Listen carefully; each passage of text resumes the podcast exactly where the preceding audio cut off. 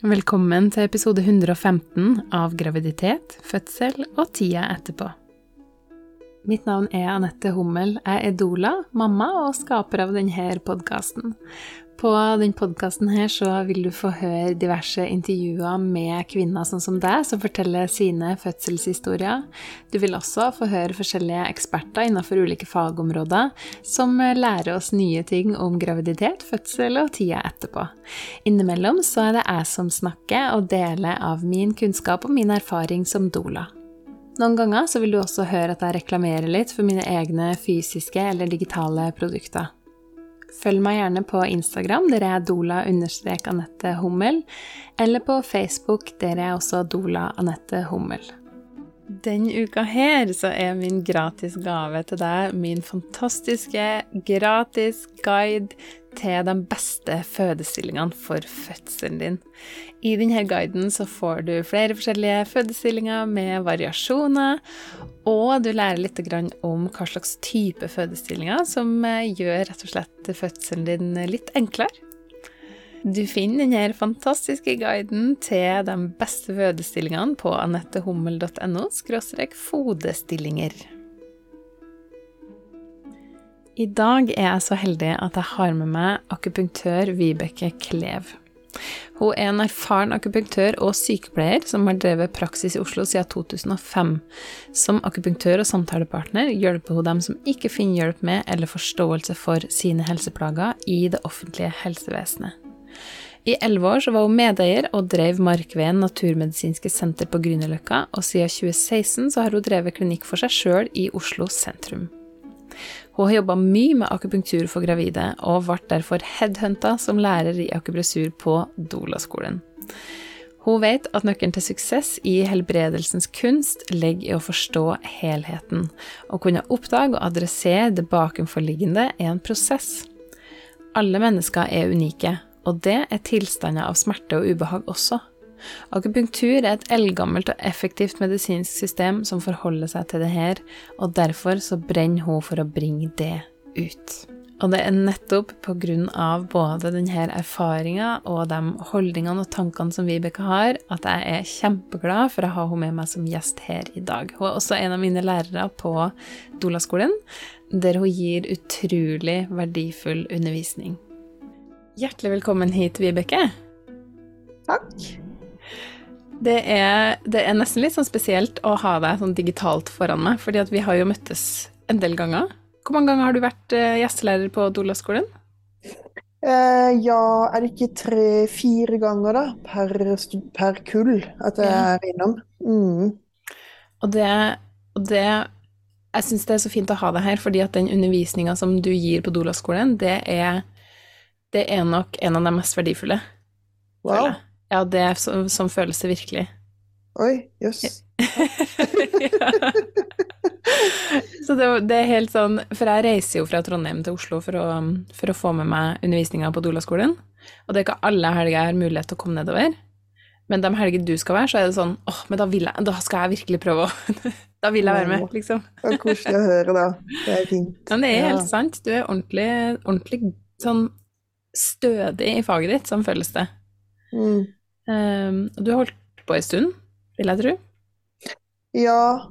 Eh, 2005 så var jeg jo ferdig utdanna som akupunktør, da. Mm. Mm. Så da Det er jo snart 20 år. Det er, ja. det er faktisk det. det er så rart, fordi alt etter 2000 føles som liksom Ja, men det er jo ikke så lenge siden. 2005 er jo ikke så lenge siden, og så tenker man over det, så bare Å ja, søren. Det er faktisk ja. 18 år siden, det. Ja, sånn er det å bli gammel, Anette. ja. Høres ut som jeg er mye eldre enn jeg er når jeg snakker om den måten med deg. Men um, ja, fortell litt mer om deg og din bakgrunn. Hvem er du? Ja, nei, altså før jeg, før jeg var ferdig utdanna akupunktør, så, så, var jeg jo sykepleier. Mm. Eh, utdanna i Trondheim, faktisk. Ja, så du kjenner ja. byen godt? Ja, eller kjente den da, på ja, 90-tallet. Så ja. Mm. Trafikksituasjonen har endra seg, det kan jeg si. Godt å høre. Kanskje utelivet også. Jeg, jeg, vet ikke om det har blitt bedre, altså. Jeg tror ikke det. Tror du ikke?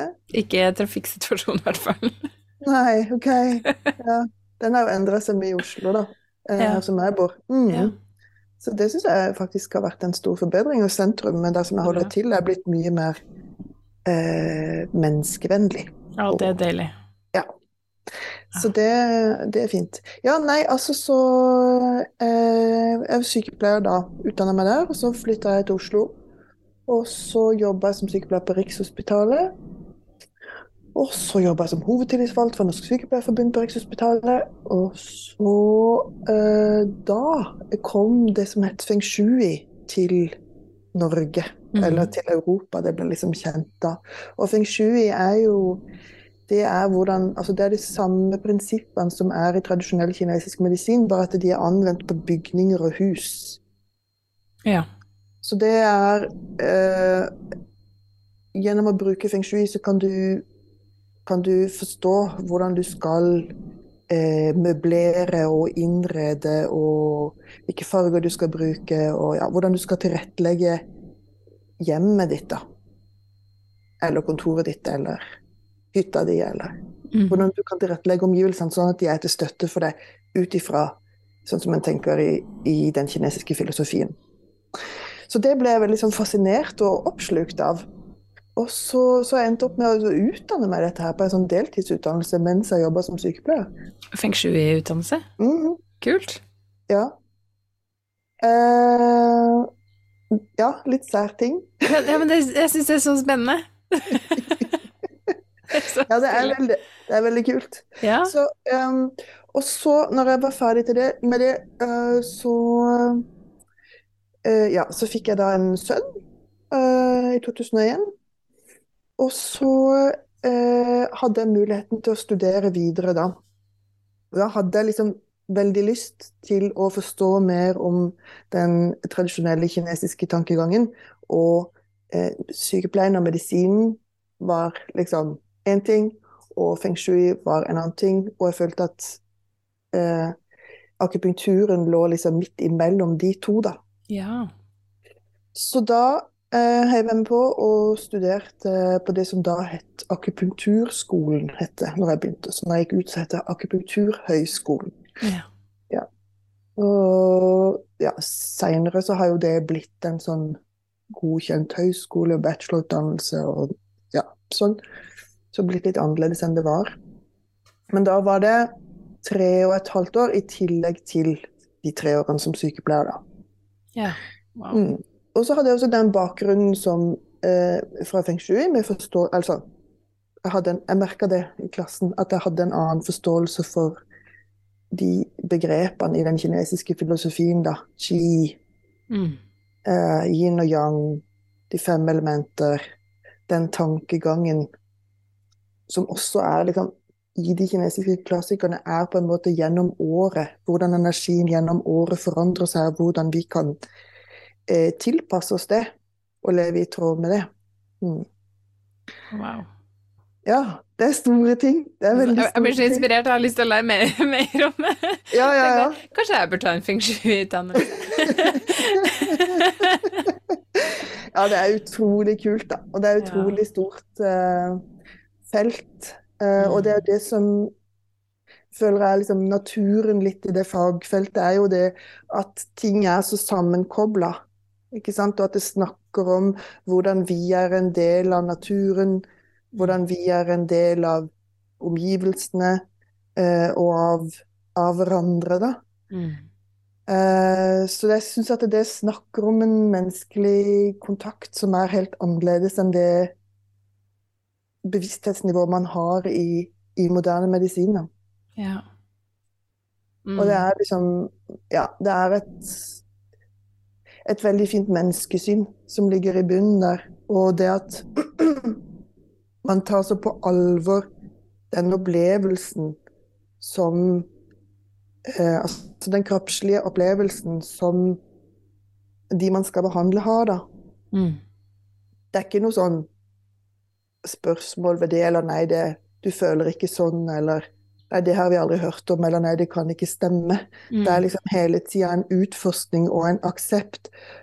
Og at hvis det er ting som du sier som min pasient, som jeg ikke forstår, så må jeg bare erkjenne at jeg forstår ikke det enda. Mm. Og så, kan det, så må jeg legge det litt til side, og så kanskje jeg vil skjønne det etter hvert, når vi blir litt bedre kjent. Ja. Eller når andre ting løsner, så kanskje det kan komme frem. Mm. Um, og akkurat det syns jeg er også så veldig essensen av sykepleie. Er det der helhetlige møtet mellom mennesker, da. Mm. Eh, som er på en måte det som er den egentlige helbredende ressursen vi har. Ja. Wow. Ja, wow, nå ble det veldig sånn store ord her, liksom. Nei, nei, men jeg syns det er så det er sånn. Ja. Fordi det er, det er så Oi. jeg la den der, jeg. Ja. Det, det er så Det er så ehm, Jeg syns det er så interessant at du har på en måte starta innenfor skolemedisin. Den moderne medisinen, det som, det som vi ser på som det som er medisin i Norge. Eh, og så har du gått over til kinesisk medisin. Men så så kan jeg jo på en måte forestille meg at du tar med deg Du, du har liksom med deg det beste fra, fra begge verdenene. Eh, og så er det så kontrastfylt også, fordi det du beskriver nå, med at, at det at det at du ikke forstår et symptom som jeg beskriver, betyr ikke at, er, at mitt symptom er feil, eller at jeg er feil, eller at Men det er du som behandler som kanskje trenger litt mer tid til å forstå. Og det er noen ting som jeg føler at vi kanskje savner litt grann i, eh, i den moderne vestlige medisinen.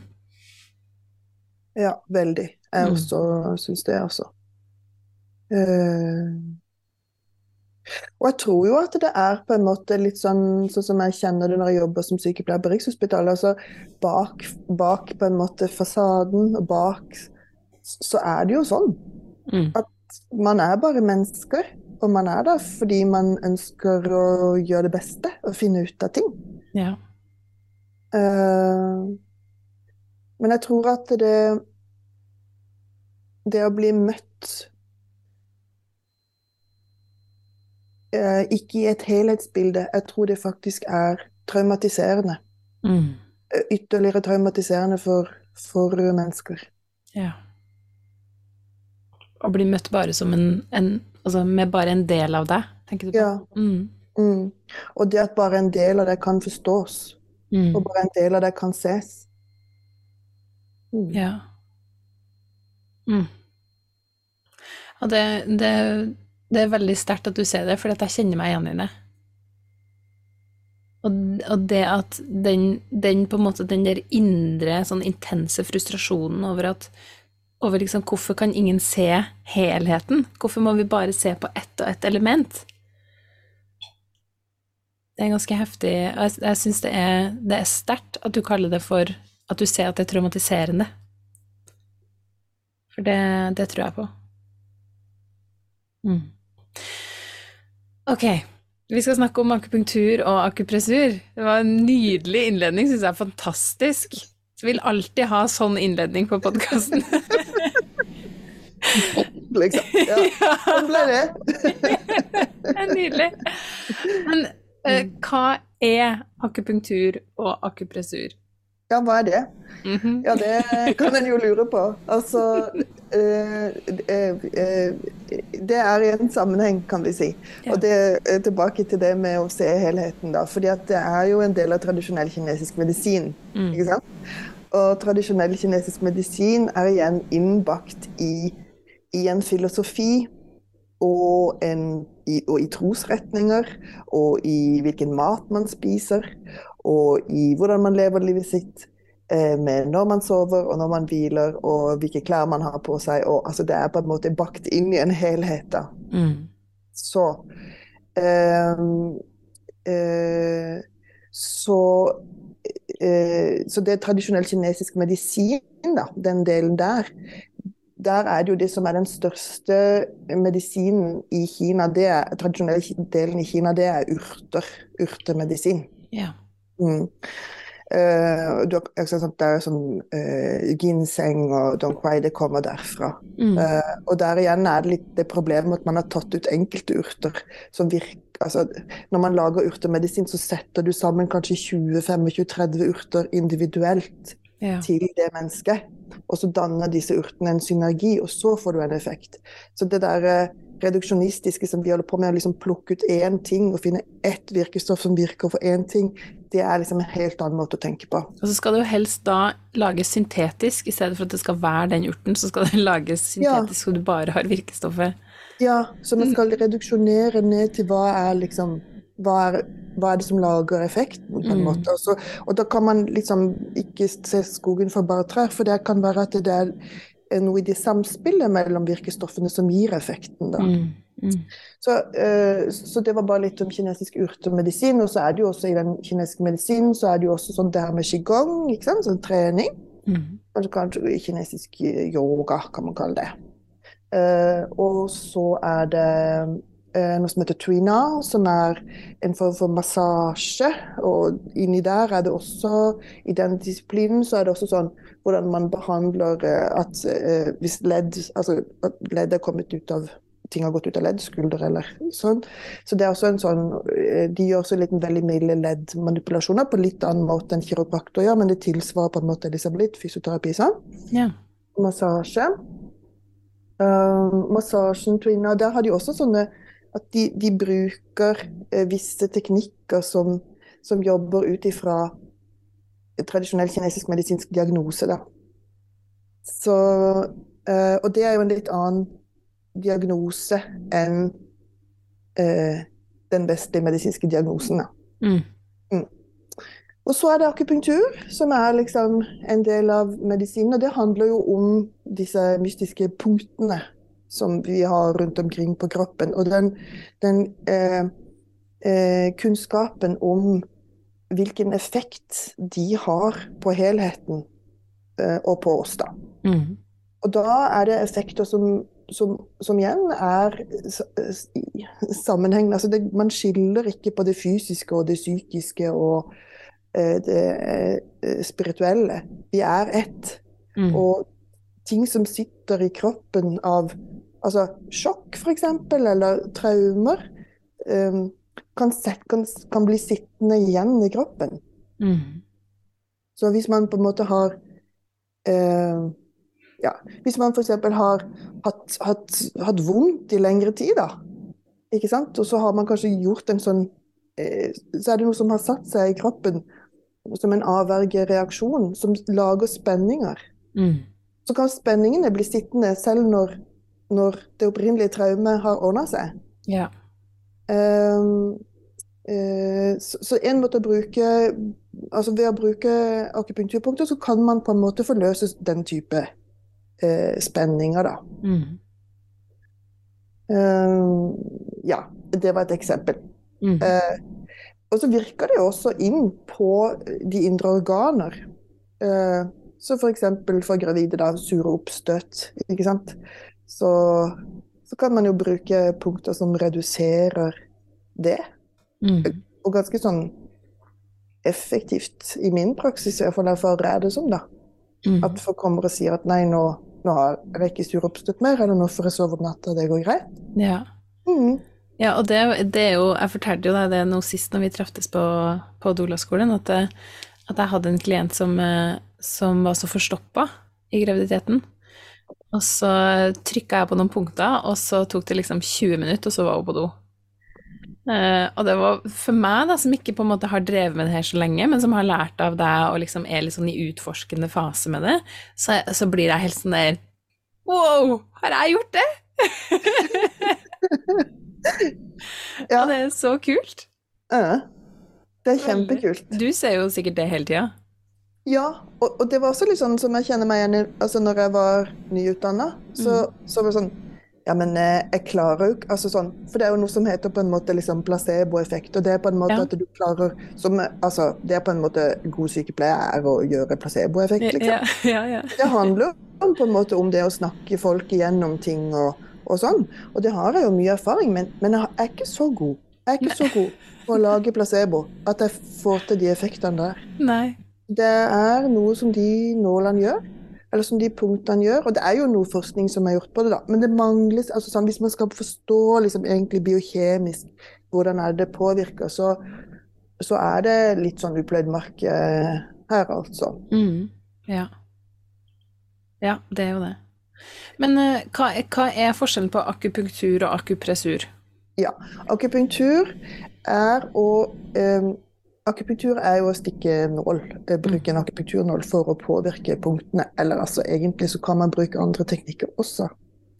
Man kan varme punktene opp, og man kan, ja, det, man kan sette vakuum på dem. Det er mange teknikker man bruker, men det er jo liksom det med å sette en nål som er det som er assosiert med akupunktur, da. Mm. Mm. Og akupressur, da trykker man bare? Mm. Bare, sier jeg. Bare. Mm. det, er det, det, er jo det, du lærer oss på Dolaskolen. Ja. Det er jo å trykke på punktene med, med f.eks. finger. Mm. Er det like effektivt som å sette nål? Uh, ja, nå fortalte jo du nettopp et eksempel på at det er det, da. Ja, det er sant. det gjorde jeg. men, men, det er jo ikke sånn at Altså, vi, vi, er, altså, vi, er, ikke Vi er jo på en måte ikke biler på et bilverksted, ikke Nei. sant? Vi er mennesker. Og en som, har, en som er forstoppa, kan ha en årsak til det. Mm. En annen som er forstoppa, kan ha en annen årsak til det. Mm. Og det er på en måte litt det av trikset. Hvis du treffer på en måte akkurat på den årsaken med punktvalget ditt, da er det ofte sånn. Og så er det også noen som er Noen folk er liksom superrespondere. Noen Altså sånn Jeg har opplevd f.eks. Eh, jeg satte noen punkter når jeg var helt nyutdannet, eller når jeg fremdeles studerte på noen liksom, som jobba i barnehagen til, til, sønnen min som var på besøk hjemme på sofaen. Altså sånn, liksom. Og hun hadde migrene. Ja.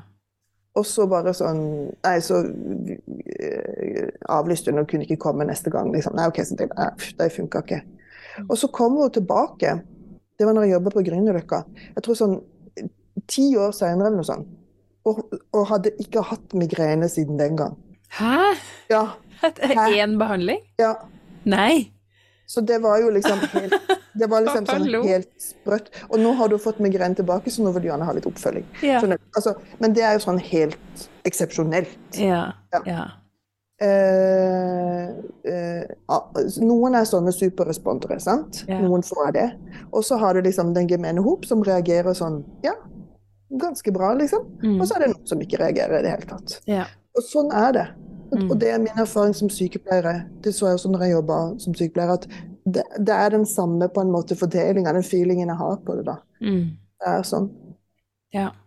Så, så, så vi er forskjellige, så Så, så, sånn er det. Men man sier jo på en måte at, at akupressur eller akupressur går på en måte for å være en litt mildere behandlingsmetode enn en, en nåling.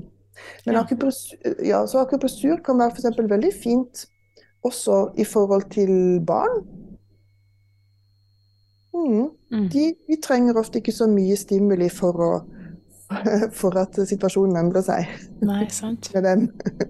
mm. Og så er det jo eh, jeg, altså, jeg vet jo at det er en del folk som, som tenker litt sånn Å, nål. Ja. Eh, og da kan jo akupressur være et veldig godt alternativ. Da. Absolutt. Mm. Og så er du jo Du har jo alltid hendene med deg, liksom.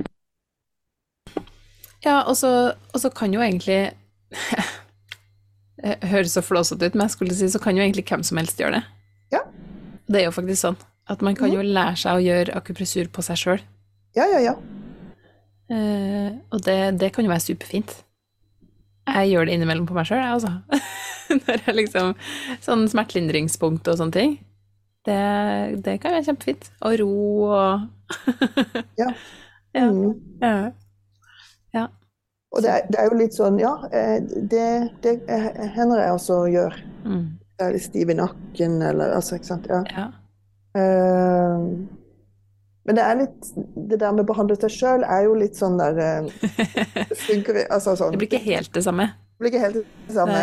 Uh, for det er noe med det å få andres blikk på deg og, og sånn ja. som, som, som, Men som en sånn type førstehjelp, så er det absolutt fint. Ja.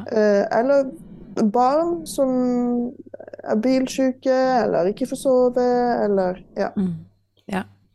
ja, for det er jo det er litt morsomt at, at på en måte jeg føler at jeg føler at delvis så ses på en måte akupunktur på som en sånn Altså det er alternativt, ikke sant? Det er alternativt. Men, men det er liksom nesten alle som har barn som blir bilsyke, eller gravide som blir kvalme eller sånt, har jo prøvd sånne bilsykearmbånd. Sånne som du har rundt, eh, rundt håndleddet, ikke sant, med en sånn liten kul på som trykker på det, eh, det akupressur- eller akupunkturpunktet som er mot kvalme. Ja, ja. Og det funker jo så bra for så mange. Ja. Og det er jo Altså, da, da tenker jeg at når du, når du vet hvor bra det funker, så kan du jo tenke deg at andre ting også funker eh, innenfor akupressur og, og akupunktur. ja absolutt. Jeg har Mm. hatt god nytte av de armbåndene sjøl. Jeg, har vært, eh, jeg har blitt reisesyk hele mitt liv, også som voksen. Så jeg, jeg har sånne med meg alltid når jeg er ute og reiser. Jeg har alltid med meg de eh, armbåndene. Det blir så slitsomt å sitte sånn og trykke sjøl i seks timer på et fly og sånn. Det er greit med sånne armbånd. Men jeg kommer frem og har sånn, har sånn sår der de kulene ligger. For jeg må ha dem på meg hele tida, for jeg blir så dårlig. Ja, Men det funker. Funker kjempebra. Mm. Ja. Da tåler jeg å være litt sår på, på armene. ja, heller det enn å spy, liksom. ja, Ja. heller Mm. det. Men eh, hva kan egentlig akupunktur gjøre for en kvinne i graviditeten? Å ja, i graviditeten, ja, nei. Det som er- jo veldig, veldig kult da, med gravide, er jo eh, Jeg ble sånn «Åh, Ja! Har tusen ting å si. ja. Nei, men altså, det som er veldig kult, det er jo det at man Altså, akupunktur er jo ikke eh, det er, du, du må jo ikke ta noe. Det er ikke som å ta en Paracet, eller det er ikke som å ta en sånn eh, Afipran-tablett som skal liksom hjelpe mot kvalme, Mm. som kanskje ikke er helt bra. Men altså, som gravid så er, man jo Er man jo bevisst hva man på en måte tar inn. Ja. Og det er jo en ikke-medikamentell metode. Det er jo ikke Mm. noe du tar inn. Det er jo at man setter noen nåler, eh, ligger og slapper av med de i 20 minutter. Og det er jo også veldig interessant hva som skjer med en mens man ligger der. Mm. Og det er jo ofte en veldig, veldig dyp avspenning som foregår da. Mm. Eh, ja, det er en spesiell tilstand, vil jeg si. Og jeg syns jo det er litt sånn morsomt noen ganger når jeg kommer og plukker ut nålene, ikke sant, så er jo folk helt er helt i ørska og liksom helt i en annen verden. Så Jeg har sovna, jeg, på en sånn benk. ja, det er mange som gjør det. Og Mm. forskning viser jo også at det er eh, eh, Man får masse endorfiner også i, av akupunktur. Mm. Så det er masse ting, altså det er masse biokjemiske ting som settes i gang med Ja. det. Men Det du, det det. snakka du om. Det, det fortalte du her forrige gang, om, om det med endorfiner. Og, og så sa du noen ting om at det blir i kroppen veldig lenge etterpå. Ja, den effekten har de, har de sett i et år etterpå, tror jeg det var. Ja. Etter én behandling. Uh, ja, eller om det var etter at man hadde fått en serie med behandlinger på ti Ja. behandlinger eller sånn. Mm, Ok, ja. men så fortsatt et år etterpå, så har man herlighet. ja, ikke sant? Og endorfiner det er jo virkelig noe som man har bruk for i en fødsel, da. ja, absolutt. Veldig. Så det Og ikke sant? derfor. Smert, Mhm. smertelindring uh, uten medikamenter. Mm. Det er kjempefint. Ikke sant? Det brukes jo også til uh, å hjelpe folk av abstinenser. Ja. Det er liksom systemer for det. Men det er noe litt annet enn det vi snakker om her. På gravide. Sånn at, at, at det er eh, det, det er det som er fint med det. Og så eh, så mange gravide som jeg tenker er liksom Yes, Mhm. derfor er det bra. Eh, At det er på en måte ikke noe som du, tar ikke, du får ikke i deg noen kjemikalier som på en måte kan, kanskje kan skade barnet, eller som ikke er liksom helt bra å ta når man er gravid. Mm. Og så er det jo det at, eh, at eh, man blir bra. Av disse her vanlige disse her liksom eh, vanlige eh, plagene som man på en måte får liksom beskjed om at ja, nei, det må du bare leve med, og nei, vi kan ikke gjøre noe med det. Ofte Mm. så er det sånn man kan gjøre noe med det med akupunktur. ja. Uh, Så det er jo liksom gjennom hele svangerskapet, fra svangerskapskvalme f.eks. Mm. Uh, Det kan være en ganske alvorlig tilstand. mm. uh, svangerskapskvalme. Så det Ja, ja. Mm, Og det er fint å, å kunne hjelpe folk ut av, altså. Mm. Ja, fy søren. Det kan være skikkelig heftig. Ja. Eh, Det er jo noen som, noen som har det så ille at de ikke klarer å fungere i hverdagen. ja, kan bli innlagt på sykehus, liksom. Ja, Mhm. fy søren. Men, eh, men hvis jeg nevner liksom altså Kvalme har du jo nevnt, sure oppstøt har vi vært inne på. Eh, mm. Hodepine kan man ha i graviditeten. Eh, Man kan ha angst. Man Ja. kan ha eh, akne. Ja. Eh, benevner masse greier. Og så kan akupunktur liksom hjelpe mot alle de tingene? Ja, altså eh, De der er veldig gode kandidater, syns jeg. Mm. Eh, akne er litt mer sånn langsiktig greie, men ja. Og der Mm. er det jo også mye med kosten, ikke sant. Men, men akupunktur er også nevnt i nasjonale retningslinjer og i fødselsveilederen. Ja. Det er jo en del jordmødre som, som har gått sånn akupunkturkurs. Ja, det er mange jordmødre som bruker det. Mm. Så det, skal, det er tilgjengelig på, som akupunktur, at du kan få det under fødsel som smertelindring. Ja. Og også bekkenløsning er jo eh, Ja. Jeg syns jo det er veldig rart at, at eh, ikke det er mer inn i Altså at den tradisjonelle kinesiske medisinen er mer inn i, i det offentlige tilbudet. Ja. Det, altså, det funker jo. ja. Sånn er, det jo med, sånn er det jo med mange ting. Altså, Dola funker jo også. Mhm. Funker kjempebra. Det, det er forskning som viser hvor bra det funker, men det er jo ikke inne i det offentlige tilbudet. Nei. Men eh, det hadde jo vært fint hvis vi kunne komme dit, da. Ja. Mm. Med både akupunktur og Dola. Ja, ja. Fint for folk, på en måte. Ja. Eh, eh, men ja, nei, det er jo Ikke sant. Og det er også litt sånn at at fysioterapeuter på en måte Mange fysioterapeuter eh, tar sånne korte kurs, og så liksom At de tar et helgekurs, og så bruker, lærer de å sette nåler for, for um, Altså triggerpunktsbehandling med nåler, da. Mm. Uh, og, og det er vel og bra, det, men det er ikke tradisjonell kinesisk medisin. Nei. Det er på en måte nåling. Mm. Det er nåling. Så jeg har bare tatt en liten del av teknikken og ikke ser den helheten igjen, da. Ja. Mm. Ja, for det har jeg Jeg har vært hos begge deler. For jeg, har gått, jeg gikk hos en kiropraktor en periode som, som satte nåle i rumpeskinkene mine. Det var skikkelig vondt. Ja. Jeg hadde så, jeg hadde så, så smerter. Så um, jeg har jo sånn kronisk bekkenopplegg. Eh, Så jeg har gått til sånn, men det er helt noe annet enn Jeg har også gått hos en eh, akupunktør som satte nåla på masse forskjellige plasser på kroppen min. Og jeg har gått hos en eh, refleksolog som også gjorde øreakupunktur. Eh, og det er tre helt forskjellige ting i min opplevelse. Mm. Også den forskjellen mellom den øreakupunkturen og den andre akupunkturen, skal jeg si. Mm. Det føles Altså, så helt forskjellig. Ja, det er, det er jo forskjellige systemer. Mhm. Mm. Men eh, for meg, i hvert fall på det tidspunktet, så var den øreakupunkturen var enormt effektiv. Funka knallbra. Det var sånn at jeg kom inn og hadde skikkelig tørre øyne. Jeg var veldig plaga med tørre øyne en periode.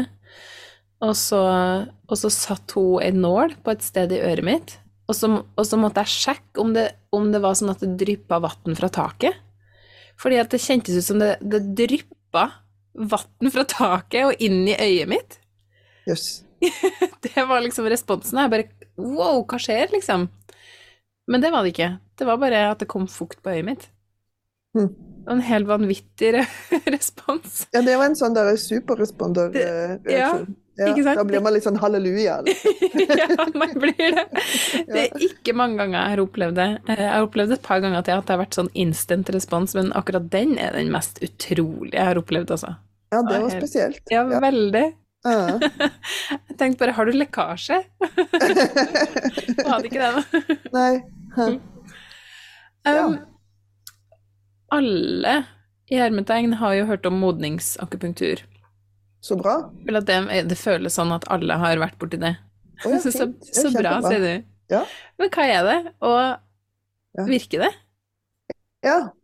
Ja, hva er modningsakupunktur? Altså, det er jo liksom det med modning er jo et sånt begrep som noen eh, jordmødre har satt på det, da. Mm. Så det er jo forebyggende behandling før fødsel. Ja. Ja. Um, og det var noe forskning som ble gjort, sånn grundig tysk forskning som ble gjort på, på eh, Ja, det er jo noen år siden nå. Eh, 2000-tallet. Hvor de så på Hvor de, hvor de behandla eh, eh, De hadde sånn tre grupper, da, sånn som man gjør når man skal liksom forske på virker dette. Mm. Og dette jo, det oppsettet her er jo også ikke egentlig helt på akupunkturens eller den tradisjonelle kinesiske medisinen sine premisser i det hele tatt. Så Derfor så blir resultatet litt sånn rart.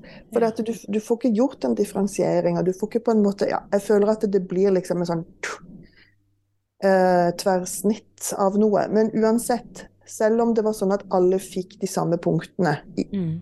som var i den samme gruppa, eh, så viste det seg det at de som hadde fått disse modningspunktene, de hadde eh, nesten to timer raskere fødsel og større grad av, av moden livmorhals i forkant. da. Og dette her ble undersøkt med sånn ultralyd.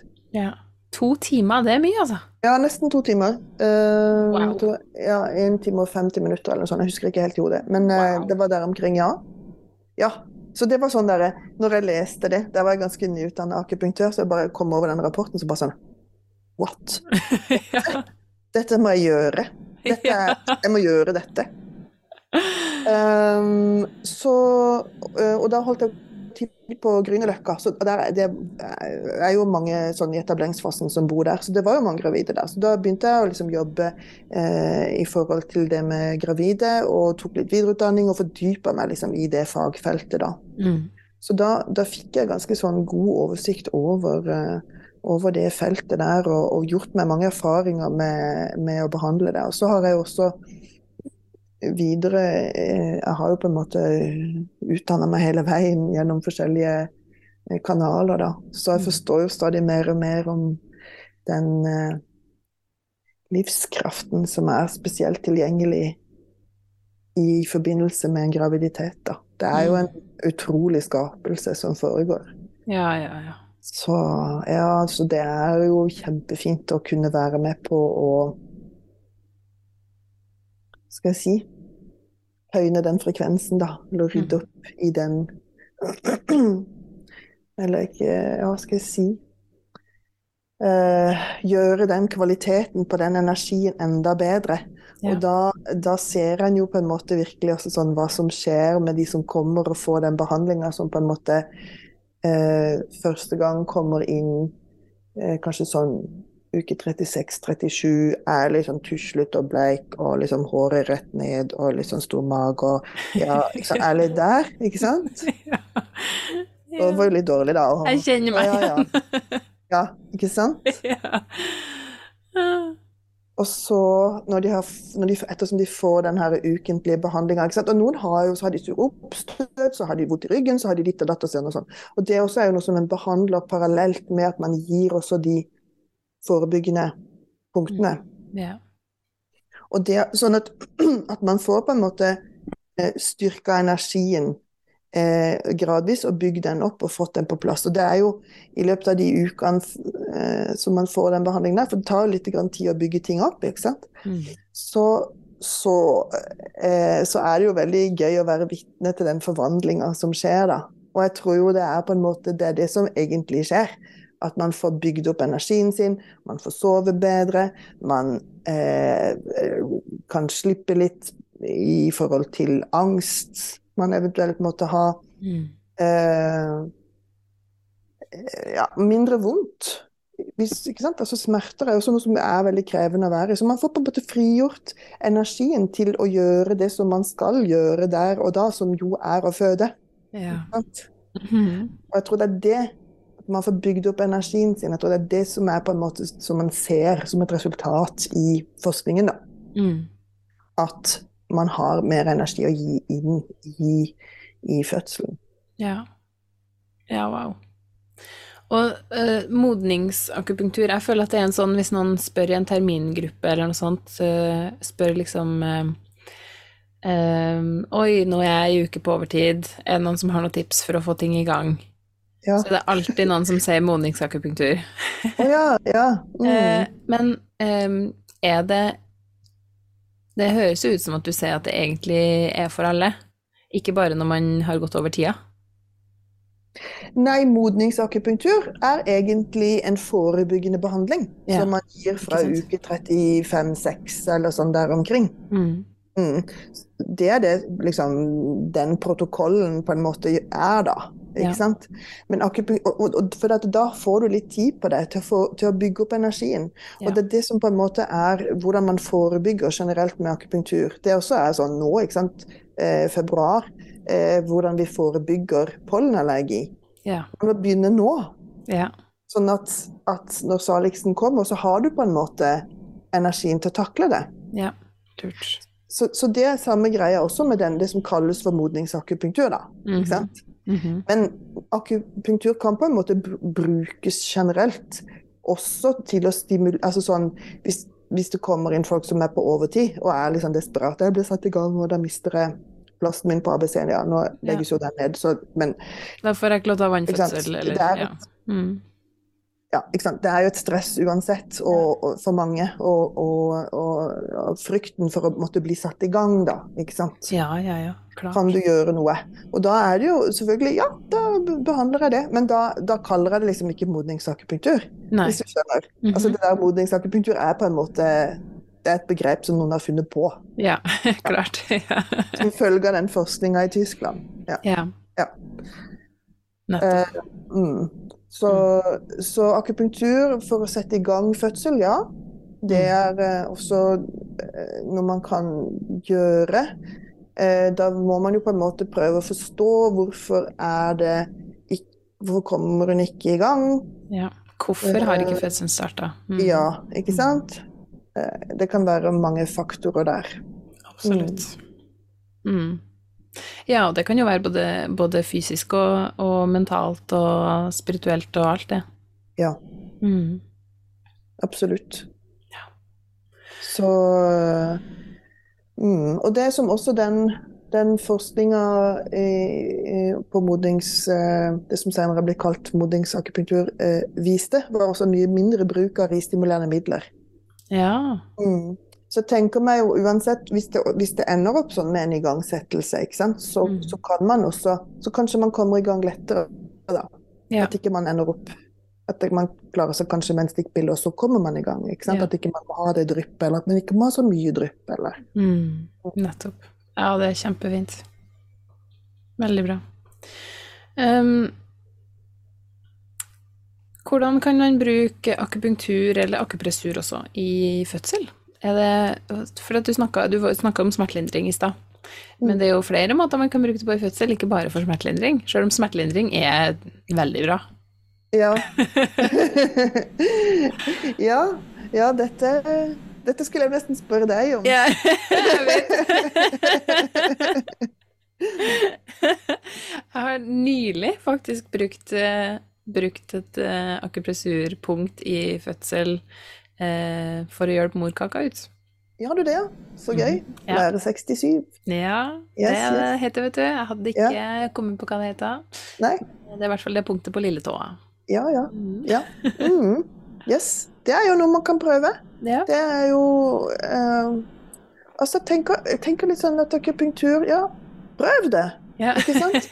Og så, hvis det funker, jippi, da kanskje du slapp en utskrapning. Ja, Sant? sant. Mm. Det, gjør, det gjør i hvert fall ikke skade, gjør det det? Kan det gjøre skade? Nei. Nei. Det er eh, trygt å bruke, altså. Det er Ja. det. Ja. Mm. Fint. Mm. Eh, For det er jo um, smertelindring, eh, hjelp til å få ut morkaka, riestimulerende, Ja. ikke minst. Ja, og så er det jo også punkter som går på det der å altså, stimulere ungen til å gå nedover. ikke Ja. sant? Altså Hvis, hvis eh, hodet ikke er festa Mm. eh, på førstegangsfødende, dag. sant? Så, så er det jo punkter man kan bruke for å, å eh, hjelpe til med det, på en måte. Sende chi nedover, som vi sier da. Hvis magen Ja. ikke har, har, har gått ned. Ja, ikke sant. Så Ja. er vi fortsatt høyt oppe. Ja. Hvordan er det Eh, med Det, det har jeg hørt. At det skal gå an å bruke akupunktur for å hjelpe baby til å snu seg hvis en baby ligger i seteleie. Ja. ja, det kan man gjøre. Mm. Det er stilig. Ja. Ja. Det er jo eh, Det går an å gjøre det, altså. Og det, har, det er litt gøy. Altså sånn Det er kanskje litt sånn eh, Jeg har nerda meg frem til en egen teknikk på det der. Å, herlig! Og det elsker jeg. Men det blir liksom litt sånn teknisk, at du bruker det punktet der og den punktet. Så, ja. Mm. så uh, Men du har en teknikk for å Ja, jeg har noen sånne som jeg har erfart at det funker bra. Og det går egentlig på Altså det handler jo egentlig sånn om slitenhet. mm. ja. Eh, og at eh, Og på en måte om det der å, få mulighet til å synke ned riktig, da. mm. Mm. Oh, wow. Så, så, men man bør jo Altså hvis, hvis ungen har fest Altså sånn Hvis ungen har sunket ned i seteleie, Mm. da er det verre, altså. Så man Ja. må på en måte komme litt tidlig. Mm. Så tidlig som mulig uh, i gang med det. Ja. Mm. Og det er også en sånn egen teknikk man kan bruke som kanskje noen leser om som heter, Altså du bruker moksa på det punktet som du brukte på lille tå. ja. Moksa er en sånn måte du kan varme opp, eller ja, at du tilfører varme. Mm. Det er en teknikk også man kan bruke, men eh, jeg, min erfaring er at de, de nerde, nerde Vibeke spesialnerdepunkter, de funker. Kjempebra.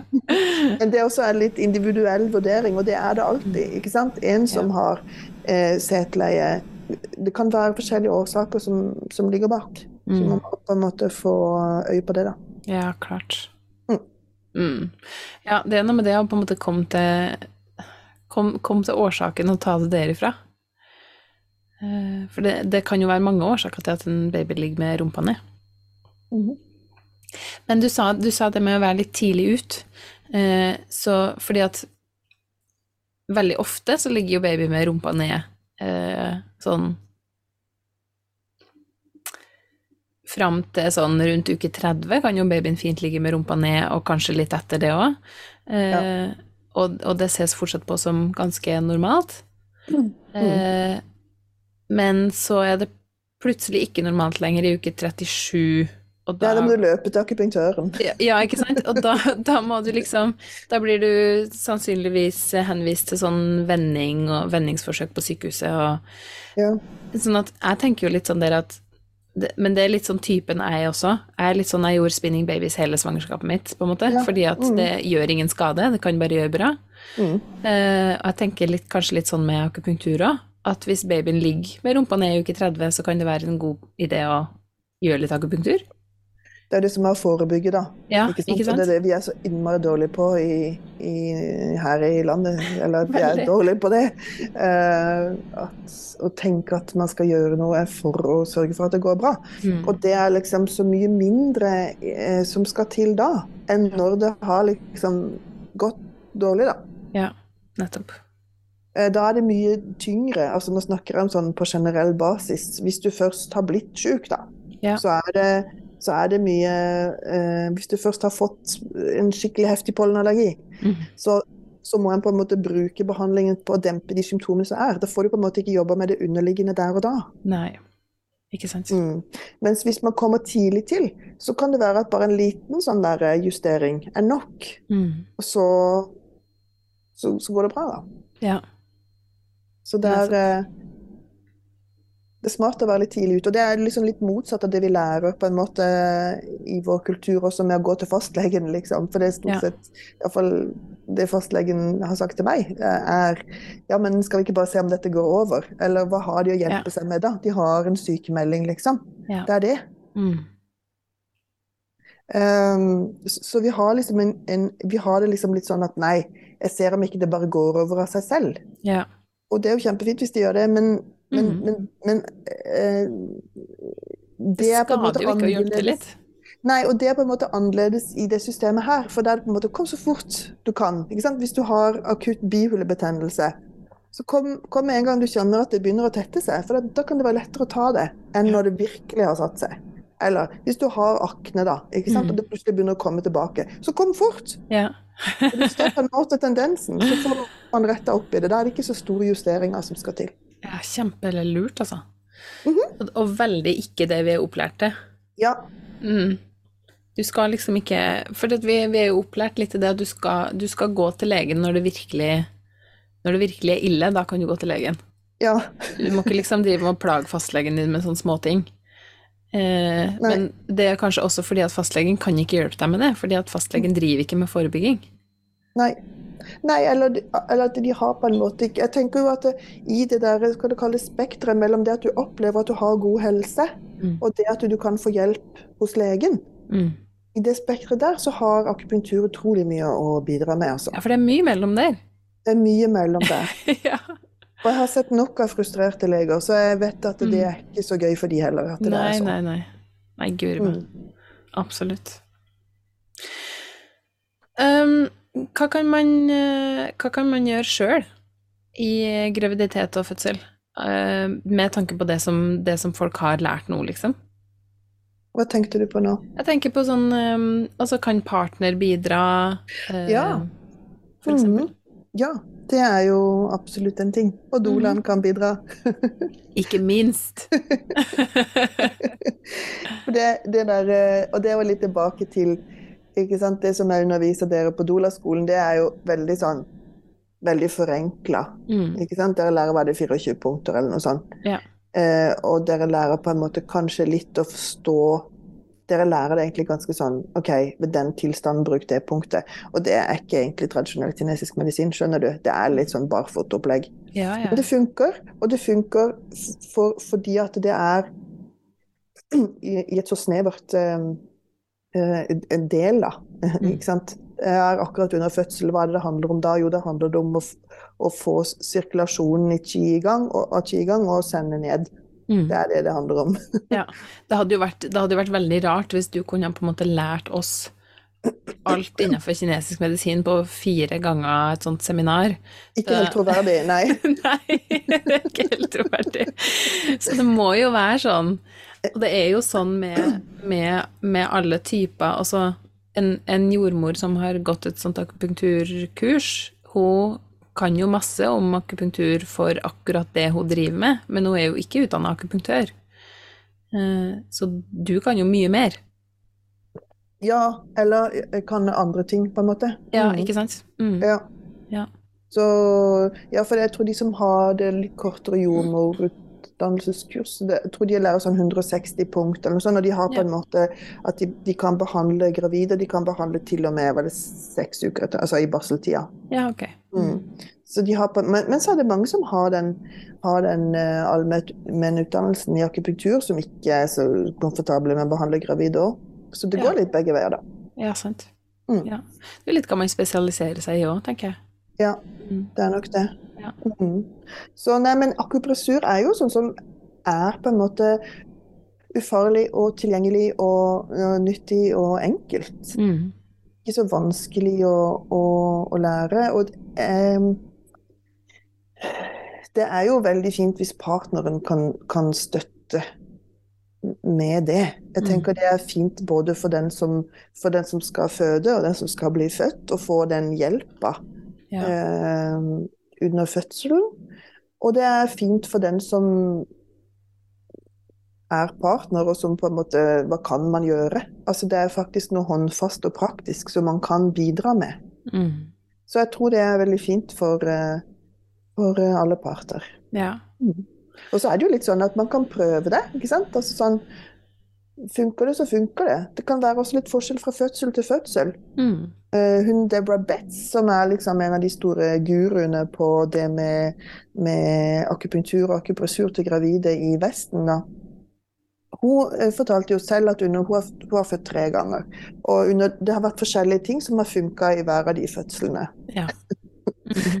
Så mannen hennes måtte gjøre noen ting i den siste fødselen som ikke var aktuelt i den første. Ikke sant? Ja. Men det er jo også altså, Alle fødsler er jo forskjellige, man har jo ulike behov.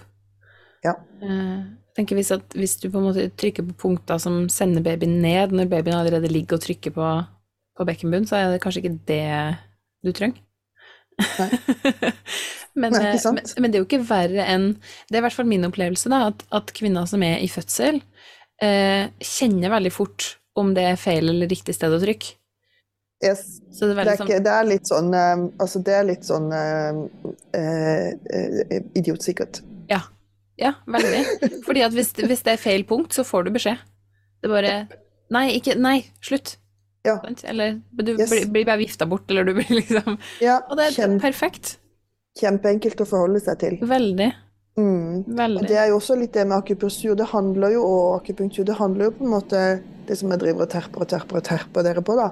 Det er liksom det der at det handler, du må på en måte se den du behandler også. Ja. Og se på en måte Du må se litt på reaksjonen. Mm. Du på en måte, Om du treffer, om du får den liksom mm? At de faller litt sånn inn i seg sjøl. At du ser på en måte at pusten går litt annerledes, eller at det blir litt mer sånn fredelig i ansiktet. Eller at du, du ser en sånn liten subtil endring på at yes, her, her er vi på gang. Ikke sant. Mm. Men uh, hvis, at, uh, hvis det er en eh, partner da, for eksempel, som har lyst til å gjøre uh, akupressur i noe i Mm. graviditeten eller i fødsel, Ja. hvordan Altså, kan, kan han eller hun liksom bare bli med en gang til akupunktur og spørre du, kan ikke du vise meg noen punkter som jeg kan Ja. bruke i fødsel? ja, det går an. Er det går an. hensiktsmessig å google det? Google seg fram til Ja. noen punkter? Ja, altså da er det jo Nå har jo jeg, holder jeg på å lage dette fantastiske mannekurset mitt for enklere fødsel på Ja. hjemmesida mi. Som, ja, som, er, eh, som er en sånn liten serie med e-poster som man, man kan få inn i innboksen sin med videoer og sånn. Og, så, og det er gratis kurs, og så kan du kjøpe hvis du, hvis du trenger liksom litt undervisning i tillegg, så kan du kjøpe det. Og det kan gjøres enten sånn på nett eller fysisk oppmøte, da. Mm. Eh, men det går også an å bare bestille litt grann ekstra tid til en akupunkturtime. Ja. Eh, og så mens man får modningsbehandling f.eks., eller bare sånn ellers òg. Eh, og bestille det, og bli undervist i hvordan man skal trykke, hvordan man skal finne punktene.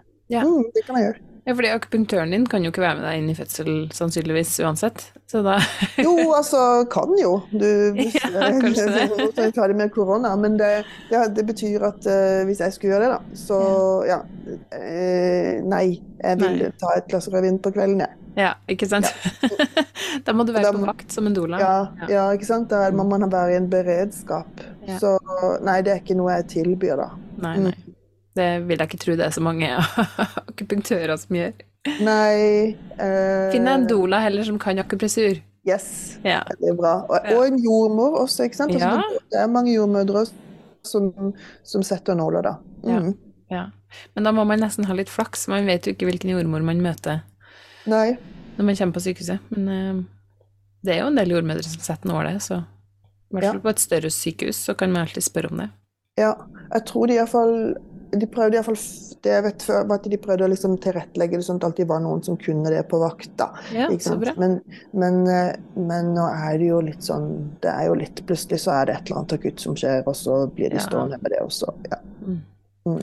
Det er jo litt galskap for tida det er det også. uansett, så Det er det også. ja, så det er ikke godt å vite. Nei. Mm. Ja. Har, du, har du noen ressurser eh, om de emnene her som du har lyst til å dele? Som bøker, podkast, nettside eller noe annet som kan være til hjelp for dem som hører på? Eh, ja. Um, det, altså Deborah Betts sin hjemmeside er jo, er jo uh, fin, altså. Mm. Da finner man jo uh, videoer og eh, sånne booklets Ja. som er um, oversatt til mange språk, bl.a. til norsk, Yeah, så bra. av en som gikk i klassen min på akupunkturskolen. Herlig. Eh, ja. uh, så det er jo en ressurs å se der, altså. Mm. Um, ja um, jeg, tror, altså, tror liksom at de Det er på en måte det som Og dette fantastiske mannekurset mitt, da. Hvis man Mm. har lyst til å ha det på norsk, liksom. Uh, så er jo det tilgjengelig. Mm. Ja. Ja. Flott. Og hvor kan folk eh, finne deg? Å ja, meg. De kan Ja. finne meg eh, altså, Jeg har jo praksis i, i Oslo sentrum nå, da. Mm. Mm. Og så har jeg en hjemmeside. Ja. Som, Ja. Jeg tar og legger inn eh, link til det i episodeteksten, sånn at eh, folk kan klikke seg Ja. inn der og finne det. Og så er du jo Ja. på Instagram. Instagram. Ja. der er du akupunktur med mer, er du ikke Ja, det? stemmer. Ja. Mm. Jeg linker til Eller skriv, skriv det i episodeteksten, så folk kan finne det. ja. Mm. Ok, da, Vibeke, tusen hjertelig takk for at du eh, kom og delte av din veldig spennende kunnskap. Tusen takk for at du tok imot meg. Det er jo bare hyggelig. Det her eh, har jeg gleda meg til, og det har levd opp til mine forventninger, så det er fint. jeg håper, håper de som hører på, får, eh, får mye ut av det, dem også. Ja. Mm. ja. Takk skal du ha. Tusen takk for at du hører på graviditet, fødsel og tida etterpå. Hvis du likte denne episoden, så blir jeg kjempeglad hvis du deler i sosiale medier eller med venner eller bekjente. Veldig gjerne tagg meg hvis du deler på sosiale medier, sånn at jeg kan si tusen takk og si hei til deg. Og du er hjertelig velkommen til å gå inn på anettehummel.com gratis og laste ned alle de tingene som jeg deler gratis der. Og det kommer stadig vekk nye ting der, så du må gjerne gå inn og sjekke om det har kommet noe nytt siden sist du sjekka. Tusen takk for at du er her, og jeg ønsker deg et nydelig svangerskap og en fødsel på dine egne premisser. I tilfelle det var noen tvil, så vil jeg også nevne at jeg ikke er verken lege eller jordmor. Temaene som tas opp på denne podkasten, er kun ment som generell informasjon, ikke som råd eller oppfordring til handling. Hvis du har spørsmål eller bekymringer når det gjelder din egen eller ungene dine sin helse, så vil jeg på det sterkeste anbefale at du snakker med legen eller jordmora di.